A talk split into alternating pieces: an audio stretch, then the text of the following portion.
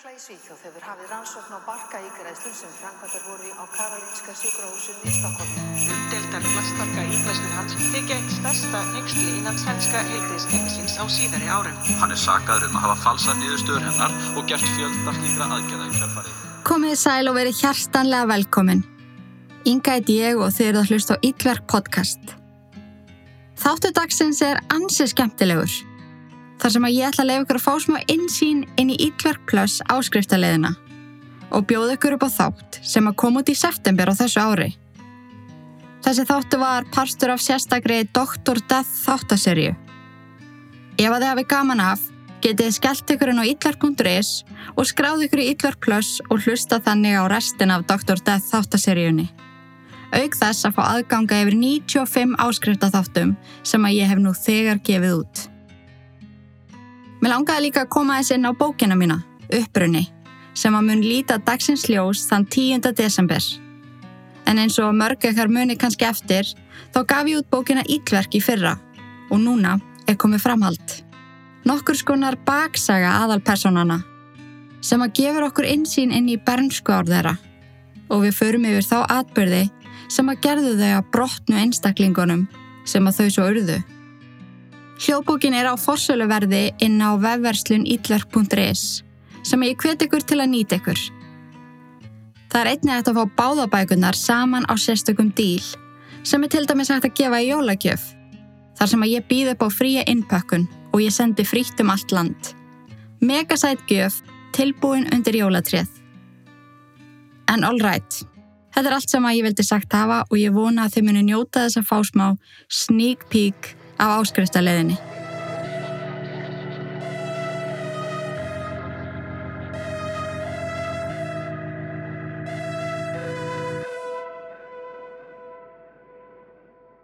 Þegar maður gengur inn á sjúkrahús, þá finnst manni maður vera í örugum höndum.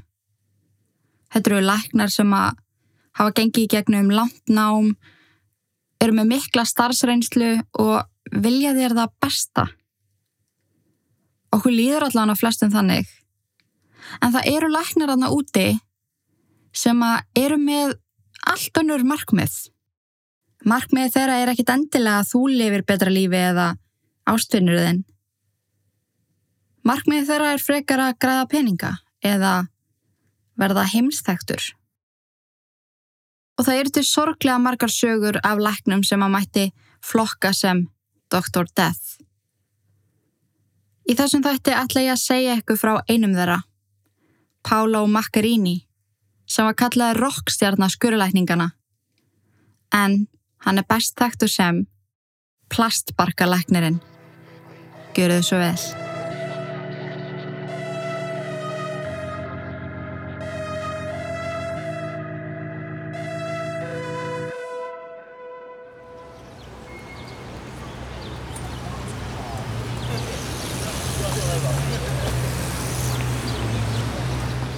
Benita Alexander starfaði sem dagskrágerðarkona og sjóarsþátta framlegandi í New York.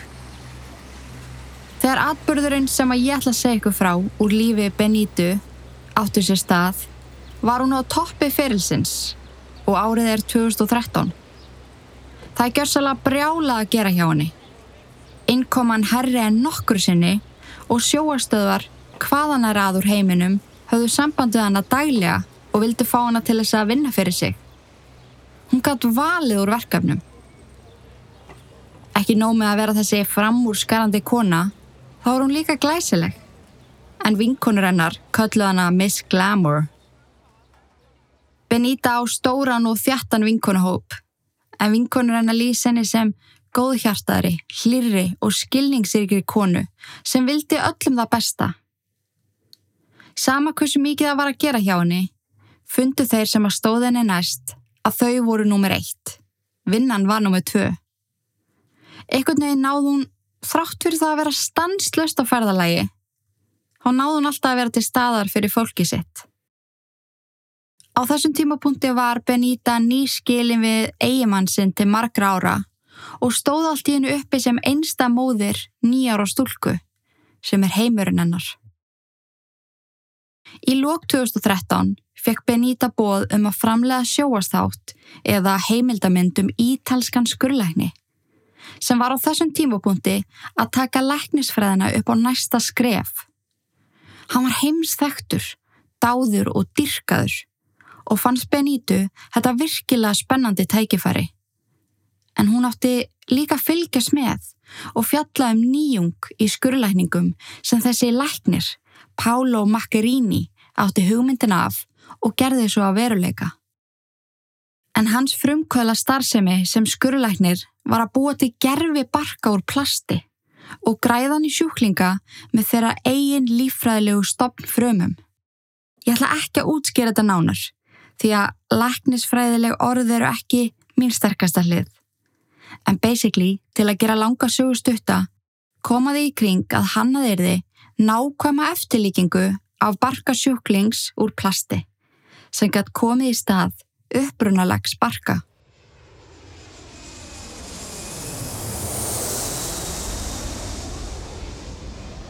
Á þeim tíma sem að Benita fekk bóðum þetta verkefni var verið að fljúa þryggjára gamalli stúlku sem að fættist ánbarka frá Kóreu til bandaríkjana og yrði hún yngsti sjúklingurinn til þess að fá slíkan gerfi barka.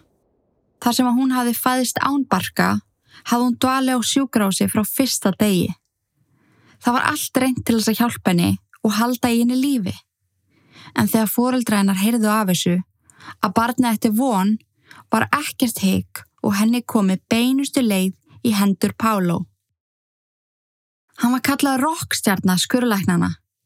Hann hjælt fyrirlestra út um allan heim þar sem hann kynnti þessa byltingakentu nýjung. Hann síndi fram á stórkostlega þróun gerfilífara í rannsóknum sínum sem að veitti fólki þá von að í framtíðinni þegar að aðferð hans erði fullkomnuð var að hægt að græða í fólk gerfi hjörstu, gerfi lifur, gerfi nýru sem myndi útrýma taugatrekkjandi leit af viðjandi lífaragjöfum. Það tók Benito nokkra daga að fá Pálo til að ræða við sig fyrir heimildamindina en það ekkert eðlilega mikið að gera hjá honum nær allan sólarhingin. Hún bauð honum í hátægismata á litlum veitingastað rétti á sjúkrásinu svo hann þurfti ekki að fara langt. Hún var spennt og stressuð. Þetta var eitt af hennar stærstu verkefnum og það var undir henni komið að þetta kæmi allt saman vel út og hún myndi spyrja réttra spurninga. En þegar hún sér hann koma gangandi við götuna, hugsa hún með sér. Oh my god, hann er ekkit eðlilega myndalegur. Hávaksinn solbrút silfuröfur með brúnaugu og ítalskan hreim, eitthvað sem að við erum allar veika fyrir. Hún lísti í sjálfu í viðtali setna meir að hún hafi upplefað tilfinningu sem að hún hafi ekki upplefað séðan í mentaskóla. Fyðrildi í maganum og var það alls svona gigli og flissandi þegar hann rétti fram höndina og hilsaði henni. Ein af reglum fjölmela fólks er að þú reynir ekki við viðfangsefnið þitt. Svo að Benita laði sig alla fram við að vera fagmannleg. Það var hennar starf að komast að því hver þessi Pálo Macchiarini skurðurlækna rockstjarnar væri. Hann var fættur árið 1958 í Basel í Sviss en fóreldra hans voru báðir ítalskir. Við vitum lítið sem ekkert um æsku hans en hann ákvað hansi ungur að læknisfræðin væri eitthvað sem hann ætlaði að leggja fyrir sig. Hann kláraði fyrstu læknisgráðu árið 1986 frá háskólanum í Písa. Beint í framhaldinu kláraði hann mastersgráðu í skurlækningum árið 1991. Árið 1994 fekk hann meistara prófskýrstinni í líffara og vefja ígræðslu og fóð svo beina leið í doktorsgráðu í sama fæi sem hann kláraði árið 1997 í háskólanum í Comte í Fraklandi. Hann fór einnig á eins mörg masterklass námskeið og hann gatt, svo sem í tölfræði í klíniskum rannsóknum í háskólanum í Alabama. Pálo var sprenglarður með 11 ára stanslausa skólagöngu og reynslu úr verknámi. Nánast allan tíman var hann launalaus.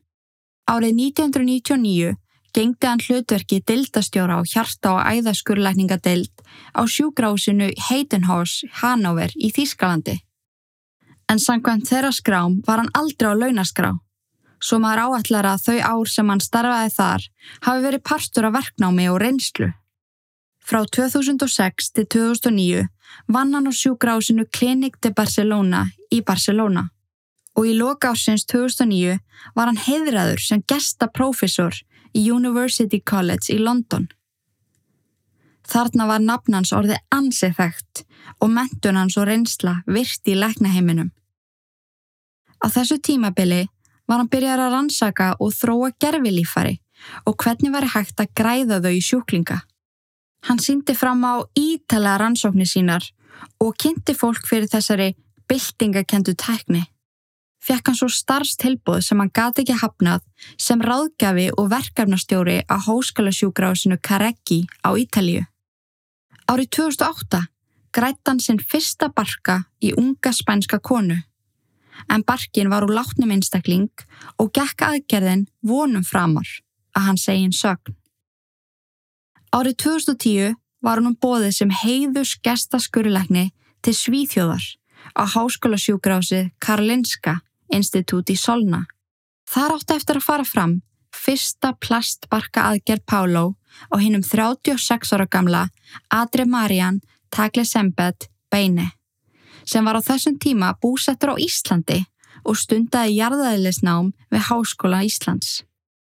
Greindist Andre Marian með krabbaminn í barka og virtust á öllu að veikindin mynd og endanum dragandi dauða. Hann fór að finna fyrir miklum öndunar erfileikum árið 2009 en fyrstu rannsóknir síndu ekki fram á krabbamenn. En þegar það kom svo í ljós að hann væri með krabbamenns exli sem var á starfi gólbolta var framkvæmt neyðar skurðaðgerð á barka hans og í kjölfarið fór hann í geyslameðferð. Fyrstum sinn bar meðferðin árangur en exli fór svo því miður að stækka aftur. Í krabbamenns rannsóknum og meðferð komst Andri Mariam í kynni við Tómas Guðbjartsson, prófessor í skurlækningum og yfirlækni á landsbítalanum. Tómas vildi auðvitað hjálpa Andre Mariam, en það var orðið nokkuð ljóst að ekki var hægt að fjarlæga ægslið með skurðaðgerð. Tómas ráðfæriði sig við erlenda sérfræðinga í ægslum sem að tjáðunum flestir að það væri ekkert hægt að gera, nema að setja mannin á líknarmeðferð sem er í rauninni meðferð sem linar sásökan og reynir að veita þér sem best líf þann tíma sem að þú átt eftir. Tómas var ekki nógu sáttur með þessi svör, en myndi þó eftir áhugaverðum fyrirlestri sem hann fór á hjá doktor Pálo Maccarini á Karolinska sjúgrásin í Svíþjóð. Doktor Pálo talaði um barka ígræðslu sem hann hafi framkvæmt en í þeirri aðgerð var notaði barki úr látnum einstaklingi sem að Pálo hafði þaki stoppfrömmum úr líffæra þeganum. Það kom ekki til græna að græða barka í Andre Mariam úr látnum einstakling þar sem að beðin var svo ótrúlega laung og þeir höfður hennilega ekki tíma. En Dr. Pálo hafði einni gert tilraunir með gerfi líffæri þakin stoppfrömmum sem hann grætti í dýr. Slíka aðgerð hafði aldrei verið framkvæmt á manni en á endanum var ákveð að láta á reyna og Tómas hafði samband við Dr. Pálo Macchiarini. Aðgerðin fóð fram á Karolínska sjúgrásinu í Svíþjóð. Dr. Pálo sjálfur stýrði aðgerðinni en með honum var Tómas Guðbjörnsson. Óskar Einarsson sá svo um eftirlit og meðferð á Íslandi. Benita hlusta á frásagnans með aðdáðun. Saga hans var mögnuð og hann var búin að bjarga lífi fleiri einstaklinga þegar að hún hitt hann. En eins og ég kom fram á áðan þá ótti Benita að fjalla um ferlið bak við aðgerina á hönnu varren sem var aðeins þryggja ára gömul. Pálo var svo hlýr og það skeina á honum hversu mikla ástríðu hann hafði fyrir því að bjarga fólki. Benita fór að eigða miklum tíma með Pálo í Illinois þar sem að aðgerina á hönnu átti að fara fram Henni fannst hún geta opnað sér fyrir honum, ótrúlega fljótt. Það var eitthvað í honum sem að hún gætt treyst frá fyrsta augnabliki. Hún deldi með honum mjög snemma að fyrirverandi maðurinn hennar til 12 ára væri með heilakrabamenn. Um það leiti sem að Pálo og Benita kynntust var hann í dái á sjúgrási, svo hún hafði aldrei náða hvaði hann almennilega. Pálo gaf sér tíma, hann hlustaði á allt sem hún hafði að segja og gaf henni góð ráð. Hann sagði henni að hún yrði að finna sína eigin leið til þess að hvaði hann í hjartanu. Benita hafði ekki hugsað út í það. Það eina sem hún gætt hugsað um var að einn daginn yrði hún að segja nýjar á dóttu sinni að pappina var að deyja. Pálo spurði hana reglulega hvort hún væri búin að hugsa um það hvernig hún geti kvattan á fallegan hátt. Benito var þó hugsað til appisinugulu Birth of Paradise blómana sem að fyrirandi eiginmæðarinnar hjælt mikið upp á. En þau hafðu til dæmis greitt veistlusalinn í brúðkaupinu sínu með slíkum blómum. Benita saði Pálo að hún hjælti að hún væri búin að finna leið. Án þess að hika böðst hann til að hjálpa henni. Hann sótt hana heim á mótuhjólinu sínu, óg með hann í blómabúð og svo kerðu þau saman út í solsetrið í leita fallari staðsynningu þar sem að Benita gatt hent blómanum í hafið.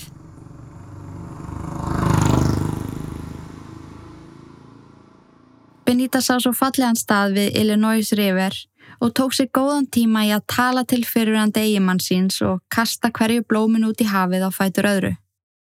Á meðan beigð Pálo þólumóður. Benita segi sjálf að þetta hefði verið augnablikið sem hún fann til sterkra tilfinninga til hans. Tilfinningar sem að hann innrammaði svo með því að faðma hann að sér og hrósenni fyrir að hafa kvart fyrir hann degimann sinn á svona fallegan máta. Þótt að þetta hafi vissulega verið upphafið á ástasambandið þeirra, þá var þetta líka upphafið að frekar flóknum aðstæðum. Pálo var fráskilinn en skilnaðurinn var ekki gengin í gegn og Benita, hún var fjölmeðlakona og hennar starf þessa stundina var að búa til heimildamind um hann. Þetta mátt ekkit gerast. Benita velti þessu fyrir sér dögum saman og rætti við vinkonu sínar, sem voru allafreikar hissa á hegðun hennar, því að hún hafi unni fyrir stanum sem hún var á í mörg ár. Og ef hún ætlaði að leggja ferilsinn í hættu fyrir gaur, þá hlauti þetta að vera ansi merkilegu gaur. Án þess að hugsa, sagði Benita já þegar Pálo böðinni til Ítalíu. En þarna höfðu þau farið á fjöldan allan af stefnumótum, skipst á skilabóðum og spjalla saman í síma á hverju einasta kvöldi.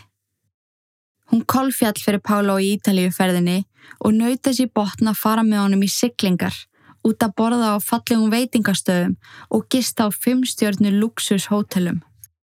Hann gaf henni skarkreppi, blómvendi, skildi eftir ástajáttningar og litlu miðum heima hjá henni eða skrifaði eitthvað fallegt til hennar með varalita á baðherbyggispeilin.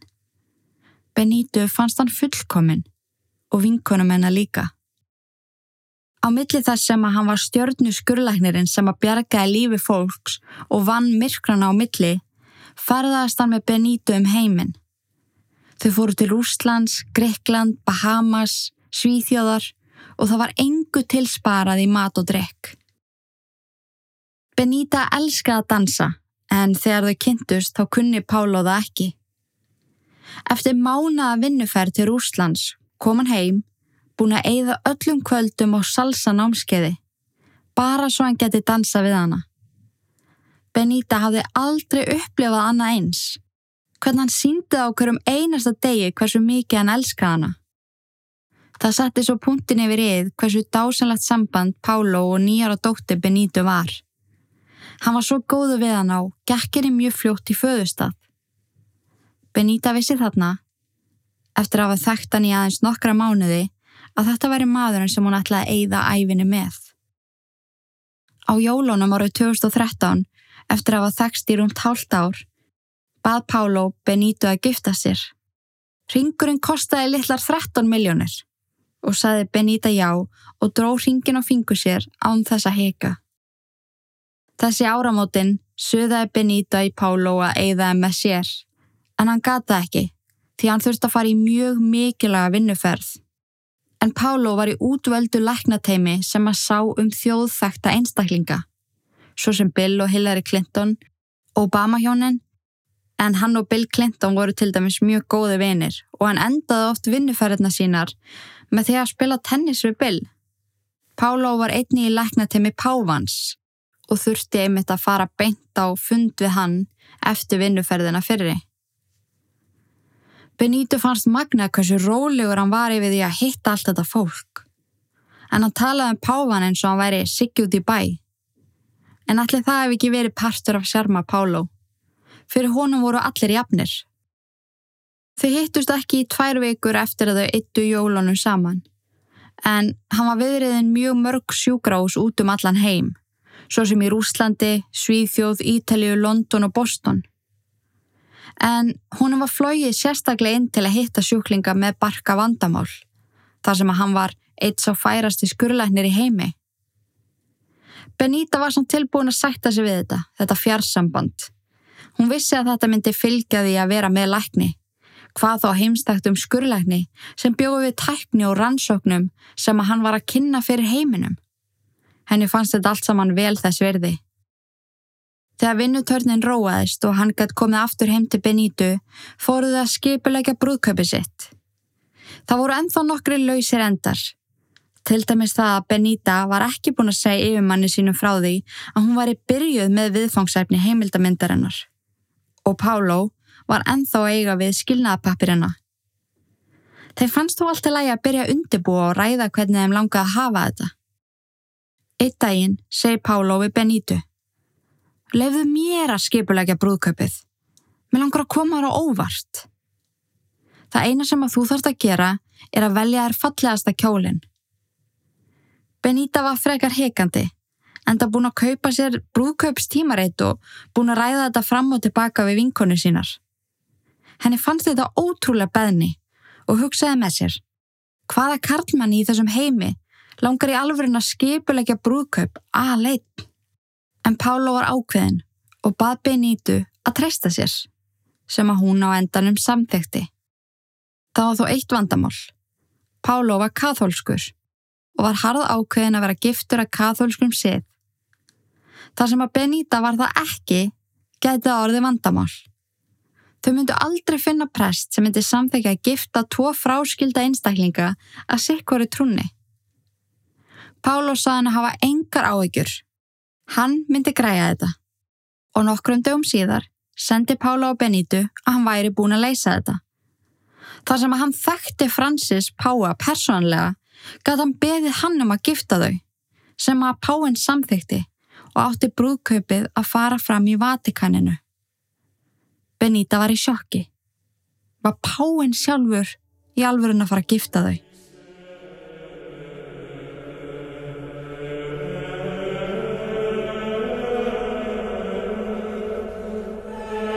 Pálo saði henni að Francis hafi sagst alltaf að gera þetta með glöðu geði. Hún ætti að treysta honum og hætti að spá svona mikið í þessu. Hennar eina verkefni var að finna hinn fullkomna kjól. Og Benita fór í málið ásand vinkonu sínum og þekktum klæðskjara sem að saumað á hana hinn fullkomna brúðakjól sem að var líka við hæfi Pávans. Næstu upplýsingar sem að Benita fjekk um brúðkaupið eftir að suða allavega um smá info var að veislugestirnir og þau sjálf myndu dvelja í Kastala á Ítalið og hann hafði nokkrum stundum áður bókað Andrea Bocelli til að syngja í vikslunni sjálfuri og John Legend mun spila í veislunni. Á gestalistanum voru til dæmis Obama hjónin, Russell Crowe, Beckham hjónin, svo eitthvað sem nefnt.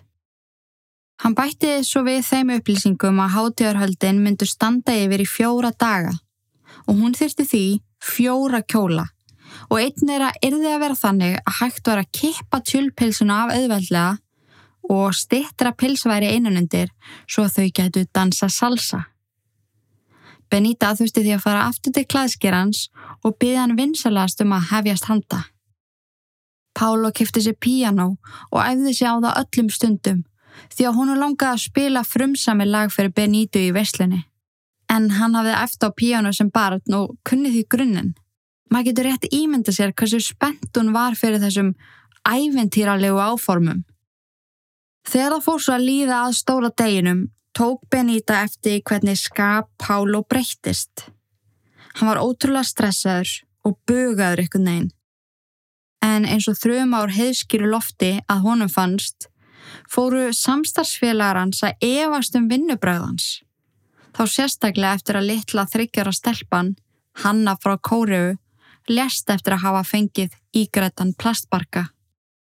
Það sem vakti sérstaklega upp grunnsendir voru skýslunar og lýsingarnar sem að Pálu skrifaði um þær aðgerðir sem hann framkvæmdi. En í mörgum þeirra mótti sjá falskar lýsingar.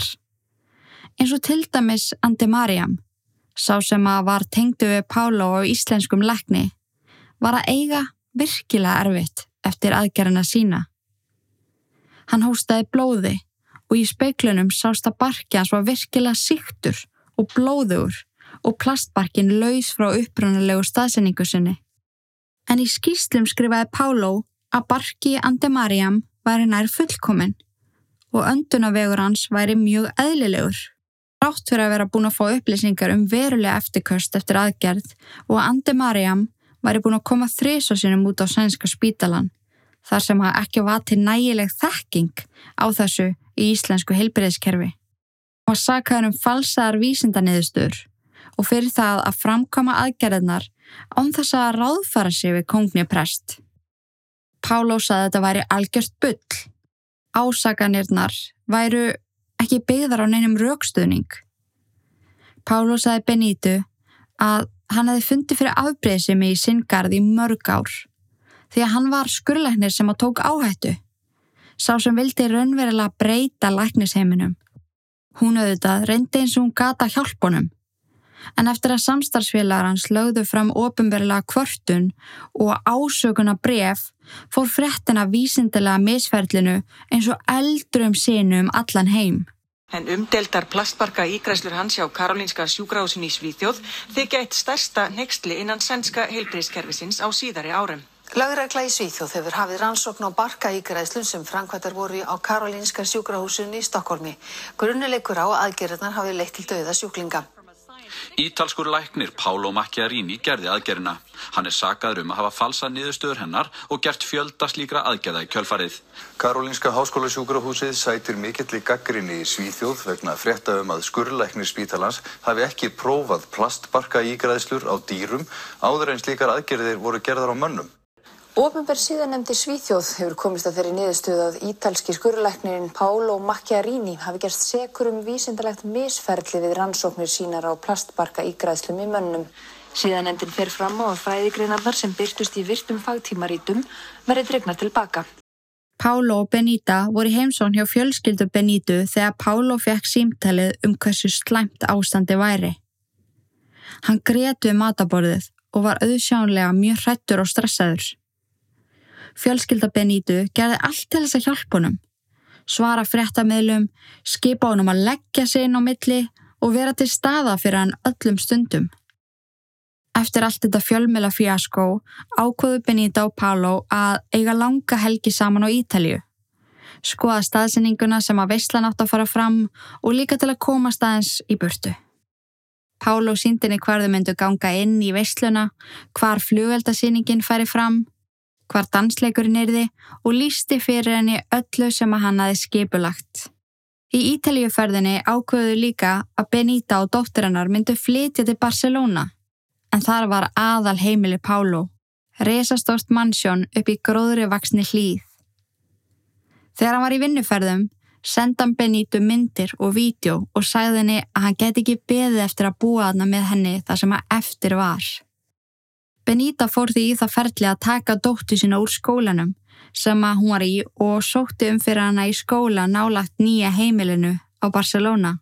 Benita sagði einni upp starfinu sínu sem hún hafði unnið í mörg ár. Vinkunur hennar voru mjög hissa því að þær vissu hversu mikilvæg vinnan hennar var fyrir henni. Hvort hún get ekki haldi áfram að vera partur á fyrirtækinu Það væri svo súst að þurfa að yfirgefa það alveg eftir að hafa unnið sér nær toppnum í öll þessi ár. En Benita, hún var ákveðin. Hún elskaði Pálo meira en nokkuð annað og að vissum að þeirra beði hinn fullkona framtíð. Plús það, þá geti dóttirinnar ekki fengi betri föðurímynd. Hún bara varð að taka þetta næsta skref. Átta vikum fyrir brúðköpið áka Benita að bjóða vinkunum sínum í spa. En hún þurfti alveg innilega á smá stelputíma að halda eftir allt þetta fjölmila fár. Þegar Benita leita á síma sinni eftir rúma tvo klukkutíma í spæinu, beigð eftir henni frekar undalegt e-mail. Þegar hún las það, þá fann hún ólgu myndast í maganum. Vinkonur hennar sáu að það var eitthvað að og spurði hana hvort það væri ekki allt í lægi. Benita sagði, nei, það er ekki allt í lægi. Páinn verður ekkit í Róm á brúðkaupstæði minn, hann verður í Suður Ameríku. Benita ringdi í Pálo og saði hann frá e-mailinu. Hann saði hann að hlusti ekki á þess að vittlesu. Staðan var í núna þannig að bóstala allir voru að reyna að grafa undan honum. Eðalega fyrirlinn hans og nú hjónabandið. Hann skildi staðfesta við Frances Páva. Benita fann það samt innra með sér að það var ekki allt með feldu. Þetta var ekki bara ykkur sem að sendi henni e-mailið um Páan. Þetta var góð vinkona hennar sem að rakst á þessa frettatilkynningu um að Páin ætlaði að koma fram í Suður Ameríku. Í geðræringu ringdi Benita í Kastalan þar sem að þau og allir gestinir átt að dvelja til að staðfesta að Pála hefði pottið bókaðan. Þeir sem að sáum um bókaninnar á kastalanum könnuðust ekki við nafnið, nýja nafnið hennar. Hún ringdi næst í veisluþjónustuna sem átt að sjá um veitingarnar í brúðköpunu. Engin þar kannaðist við neitt. Benita ferð hún setti sig í þáttagerða konu Gýrin sem var góð í því að afla upplýsinga og ringdi á alla staðina. Hún hafi meira segja sambandu umbóðsmann Andrea Bocelli og John Legend sem að voru svo ekki bókaðir í brúðkaupið þeirra. Það rann upp fyrir Benítu að þetta var allt saman einn stór hauga lígi. Henni langaði ekkert meira en að koma upp um hann. Svo hún ákvaði að halda sínu streiki, þykjast halda það allt stæði og sjá hvernig Pálo myndi spila úr þessu. Hún vissi að líka að Pálo myndi aldrei segja henni sannleikan. Hann var bara ekki þannig náungi. Hann viðukendi aldrei mistök sín. Þarna var fjölmiðla umfjöllunin um plastbarkana gjörsanlega að springa. Pála var eldur hvert sem hann fór og fólk krafðist svara. Þráttur það, held hann áfram að vinna. Fyrst hann gati ekki unni í friði að rannsóknum sínum í Svíþjóð, gerði hann það bara í Rúslandi, London og Boston. Hann var nú þegar búin að framkama átta plastbarka aðgerðir og hafðu sex af þeim sjúklingum láti lífið. Plastbarkarnir lögðust saman. Í þá og í kringum þá kom mikil síking. Sjúklingarnir hóstuðu blóði, slími og undalegum vökva. Lungun í þeim fjallu saman. Samt skrifaði Pálo í skýslu sínar að aðgerðin hafi gengið vel. Öndunavegur þeirra væri eðlilegur. Þrátt fyrir allt sem var í gangi og rannsóknir hans og frumkvöðla starfsemi væri ekki fullnægandi, vildi hann halda áfram. Hann sá ekkert rántu þetta og eins og hann sagði sjálfur, ég er bara að vinna mína vinnu. Læknar sem að hafðu leita til hans, þar á meðal íslenski læknirinn, sögðu að hann hefði blekt sig. Hann þrýsti á þá að breyta brefun til yfirvalda svo að aðgerðin geti átt sér stað. Til dæmis með því að segja, eftir alla meðferðnar hafi verið fullreindar, byggjum við um svar í flíti um að uppskurður að ígraðislega í sér stað sem var ekkit endilega satt. En Pálo sagðist gera þetta því að hann væri maður sem að tækja áhættur, sem að vildi bjarga lífum. Þetta væru hvort sem er döðvona sjúklingar.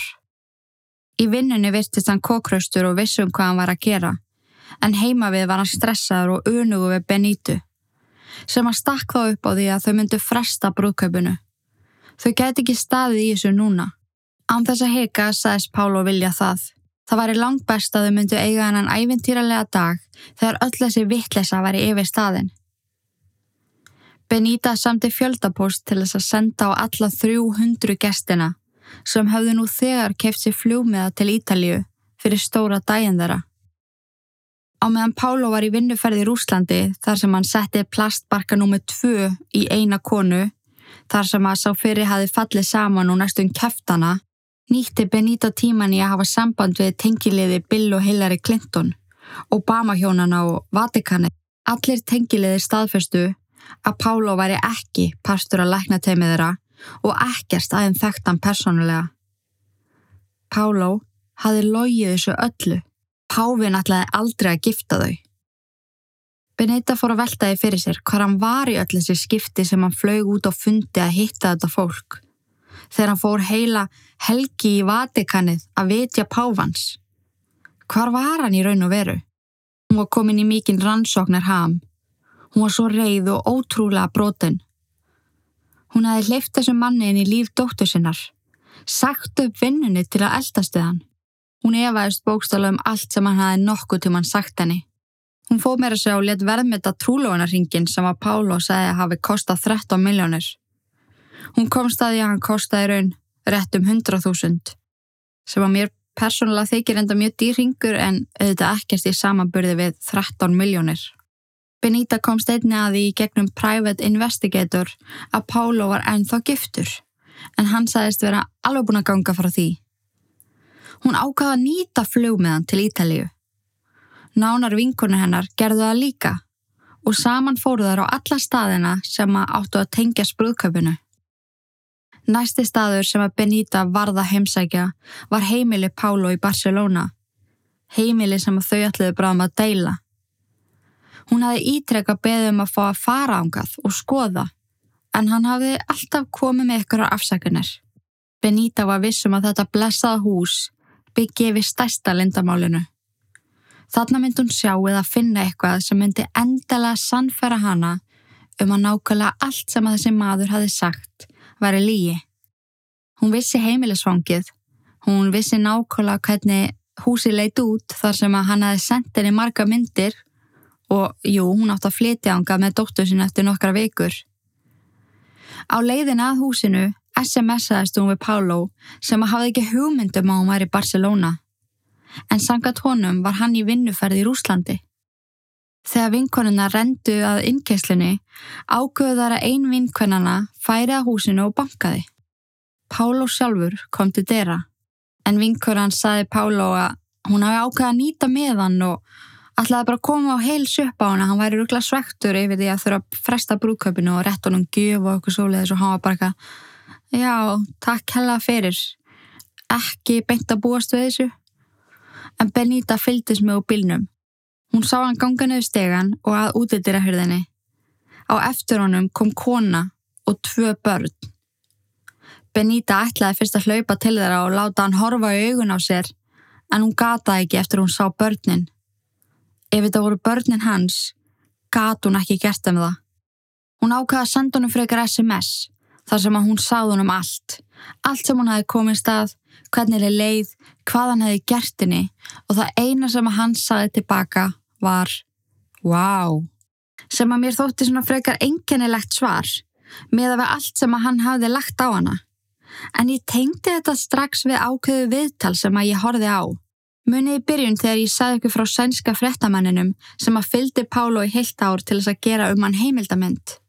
En þegar það fer að flettast ofan að legumanns þegar að heimildamyndin er hálnuð þá breytist hún úr því að vera myndum frumkvöðul í myndum legasjúka narsisista. En í lokin þá tekur frettamæðurinn viðtalveg Pálo og spyr hann erfiðra spurninga og dregu vinnubröðans í Eva.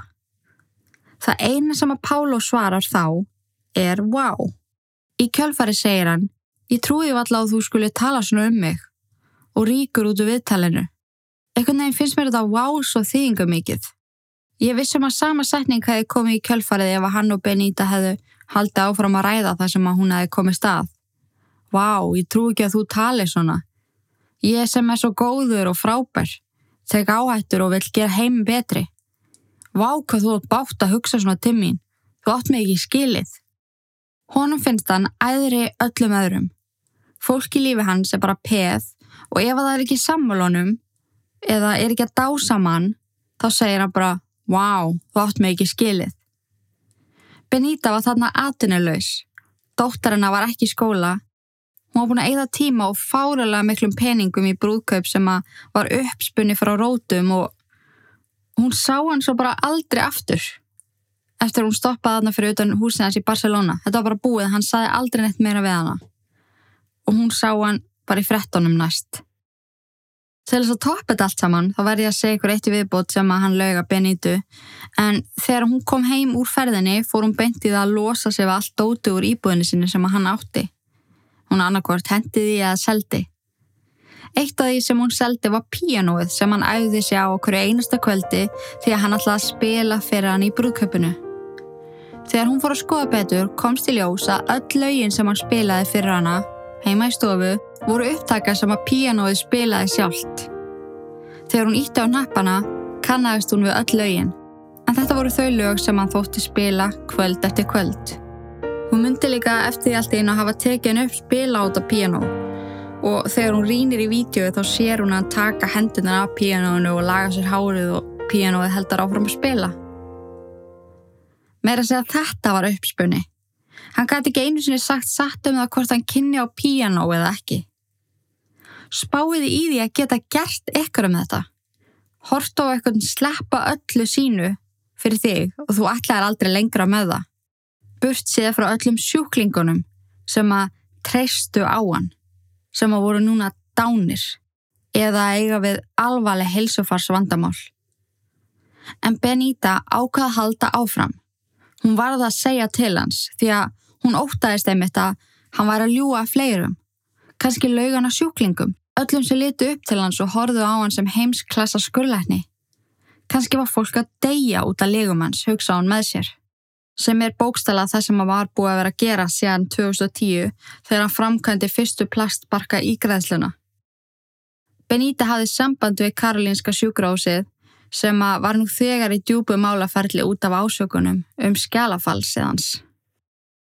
Það fór einnig að koma í ljós að námsferillin var ekki alveg af glæstur að hann virtist vera. Það kom í ljós að hann fór aldrei í skólan í Alabama. Hann falsaði starfsnámstíman sína þannig að Hann hafði ekki eins mikla reynslu og hann sagði. Hann falsaði sig inn á þannan heimsklassa skurleikna stall.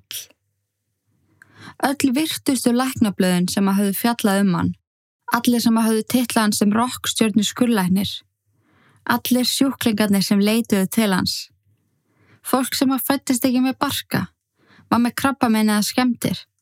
Það leitaði til hans og trúði því í alvörunni að eftir aðgerina mynduðu geta að lifa eðlilegu lífi og treyst honum. Þetta fólk gekk í gegnum hryllilega hluti eftir að fekk plastbarkan. Þetta fólk fekk flóg, heila blóðföll, misti málið, lungum fjallu saman. Þau upplöðu nokkra mánu af algjörnum hrylling áður en það dó og það fekk engin svör þegar þau lautuðu svara við enginnanum sínum. Og í leknarskíslunum þeirra stóða allt verið eðlilegt. Hann vildi ekki takast á við raunveruleikan Hann vildi bara lifa á því hvað hann væri mikill snillingur að hafa fundið plastbarka. Hann hunsaði þetta algjörlega, hjælt bara áfram að ferðast um og gera fleiri aðgerðir, upp fullur á sjálfur sér og betri en allir aðrir. En spáði í þessu. Þrátt fyrir rannsóknina inn á spítalanum í Svíðjóð og þrátt fyrir að flest allir af hans samstarfsfélögum hafðu sagt til hans var starfsamningur hans endur nýjaður og hann helt áfram að starfa sem skurleiknir í heilt átu viðbútar. Sem er algjörlega magnað og ég bara skil ekki hvernig svona fólk kemst í kekknum þetta kerfi. En það var svo árið 2016 þar sem að allt hrundi aftur hjá Pálo þegar sænska heimildamindin Fatal Experiments kom út. Í heimildamindinni er ítali umfjöllum um alla sjúklingarna sem fengur plastbarka og horfið almenningu með hrylling á skjálfilugu hlutina sem að sjúklingarnir gengu í gegnum.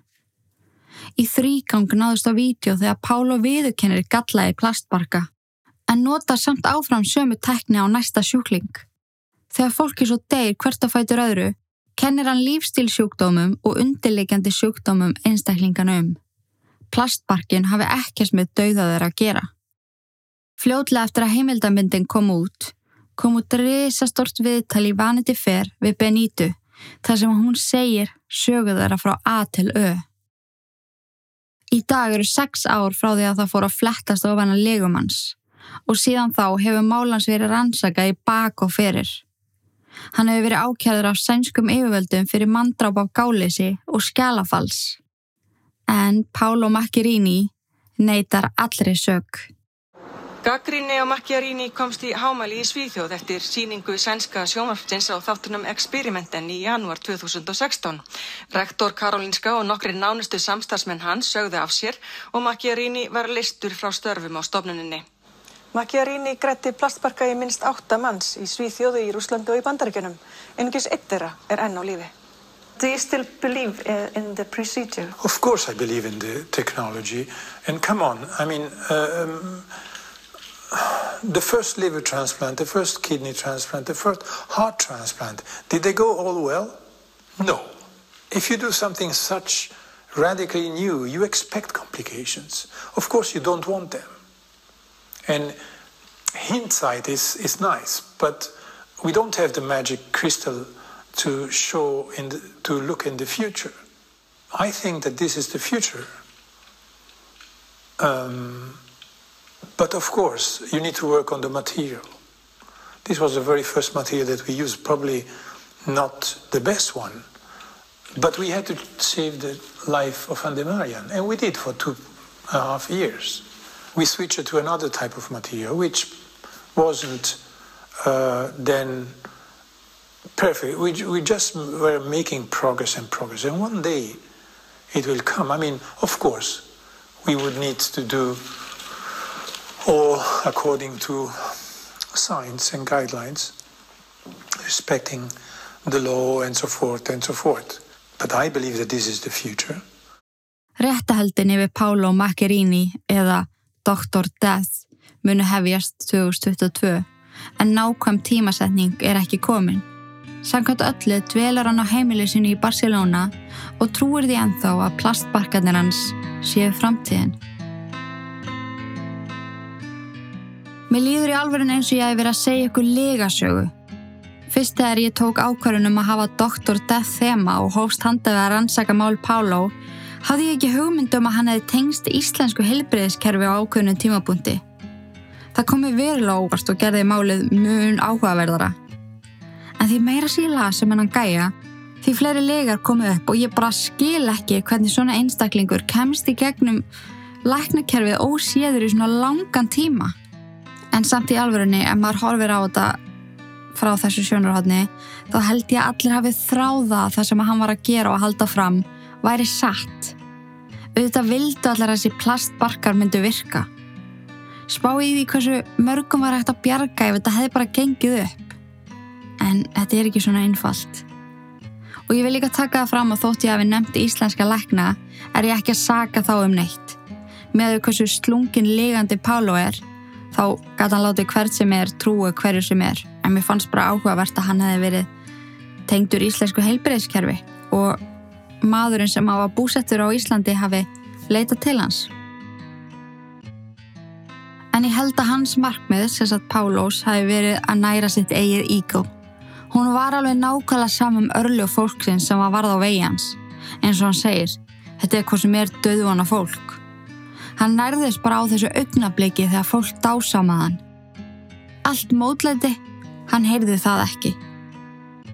Ég held að Pálo sé skólabókadæmi um alvarlega veikan raunveruleika fyrsta narsisista sem að sér ekkert annað en eigið ágæti.